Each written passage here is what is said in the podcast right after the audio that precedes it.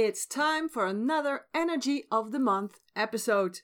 We are heading for December, and this month is special, not only because of the holidays and because the end of the year, but also because it has the influence of three elements in it. Metal energy is still ruling these days, and after the winter solstice, which will be on Sunday, December 22, water energy will take over. But in between, there is a transition phase of 10 days, and such a transition phase is always governed by the energy of the earth element. So, I have a lot to talk about. As always, in an Energy of the Month episode, I have three challenging awareness questions for you and a little energetic to do list to get you going. So, get your pen and paper ready because I'm sure you want to take a lot of notes and stay tuned. Welcome to the Energy Management Show, where you learn how to apply the science behind energy to transform your life. I'm your host, Janine Hofs, an energy master with 26 years of experience. I'm determined to take the woo woo out of energy building and recharging and give you practical advice to help you make that shift on the inside to transform your life on the outside. Because you deserve it. So join me on this energy journey and transform your life now. Hi there, and welcome back to the Energy Management Show, the podcast. Today, we're zooming in on the energy of the month December, and there's a lot going on in this month. As I said, there are three elements ruling this month, and I'm going to tell you all about that in a minute. Do you have pen and paper ready? I'm still a bit old fashioned, and I like to write my insights on a piece of paper because when you write it down like that, your brain is extra stimulated to remember it and to find ways to implement that new wisdom you obtained. I always take a big blank piece of paper and then I draw a line in the middle from the top to the bottom. And then I write at the top of the left column insights. And at the top of the right column, I write actions. So I have two columns one for my new insights and one for my actions, my to do list, if you will. Because ideas without action will always stay dreams. And that's not what I want for you.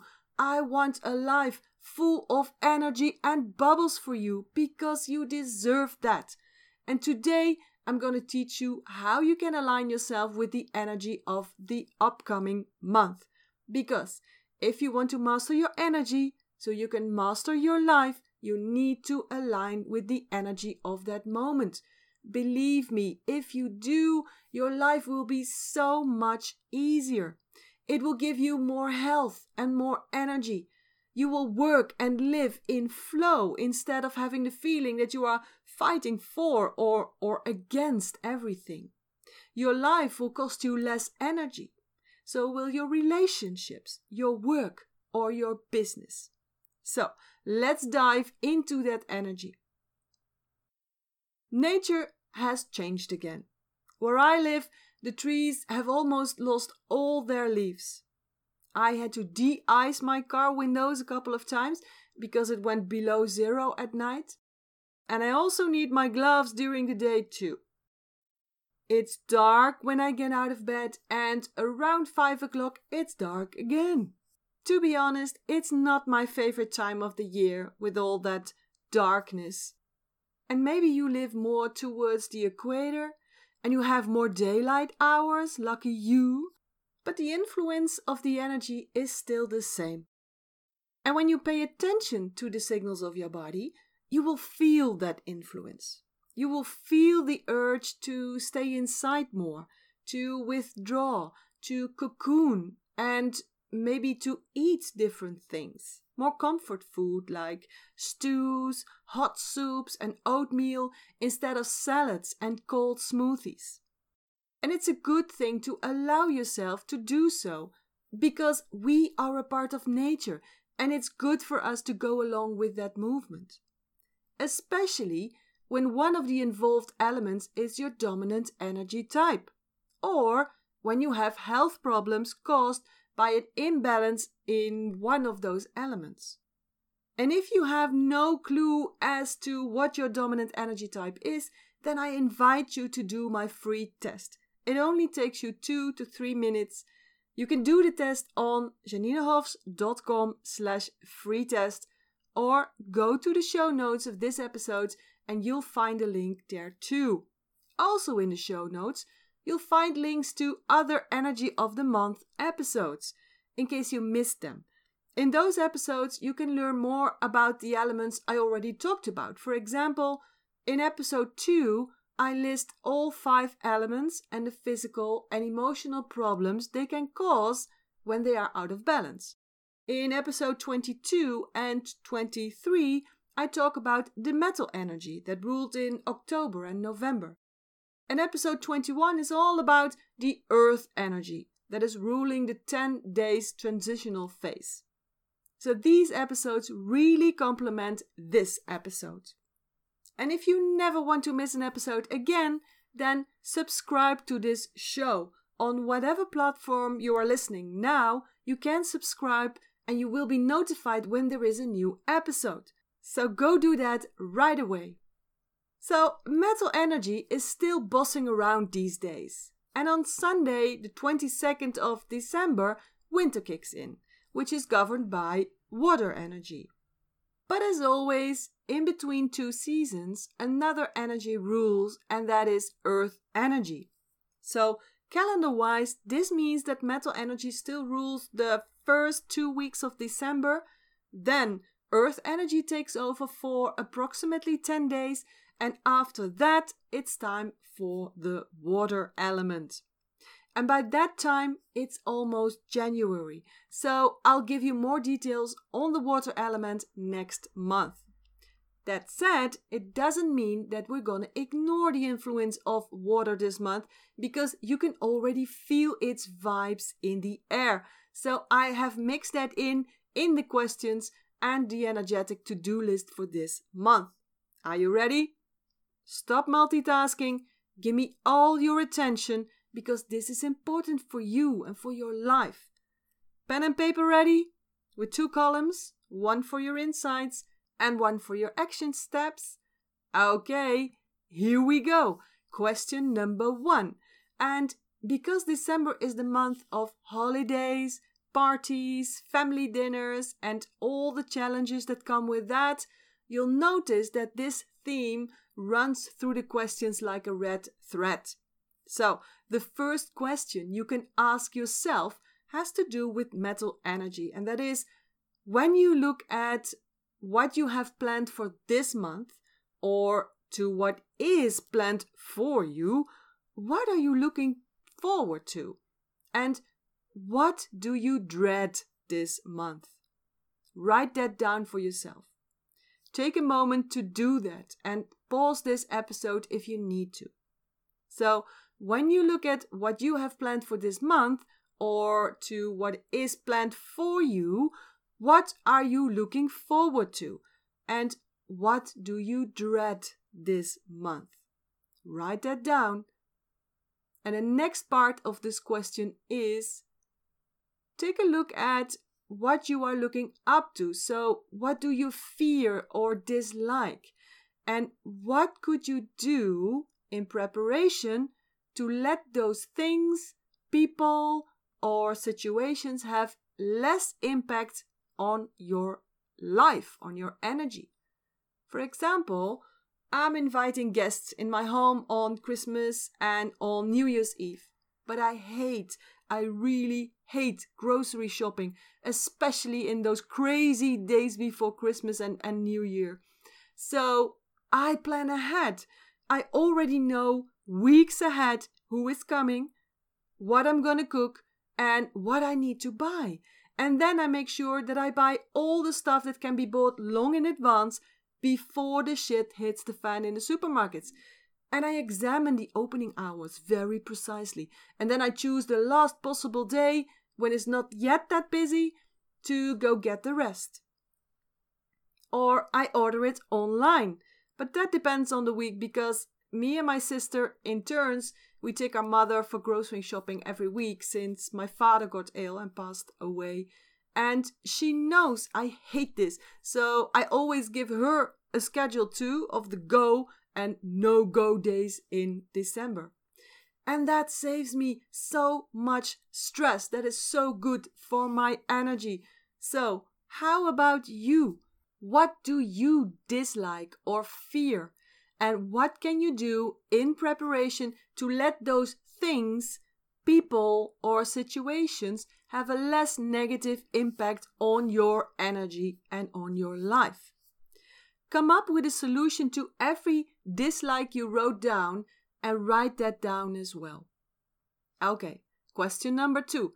This one has to do with earth energy. Ask yourself this when I look at everything that is planned in this month, how is the ratio taking care of others versus taking care of myself? Yeah, I bet you like this question. But don't run away now. This is important to be aware of because it's your life, your energy, and your health. So let me repeat this question. Look at your planning or schedule and ask yourself this how is the ratio taking care of others versus taking care of myself? And here comes the second part of this question. What can you do to improve that ratio? So, what can you do to take better care of yourself in December? Don't wait for the New Year's resolutions. Start now. How can you create a bit more me time? What can you do for better self care in this month? It's supposed to be a holiday for you too. So, what do you like?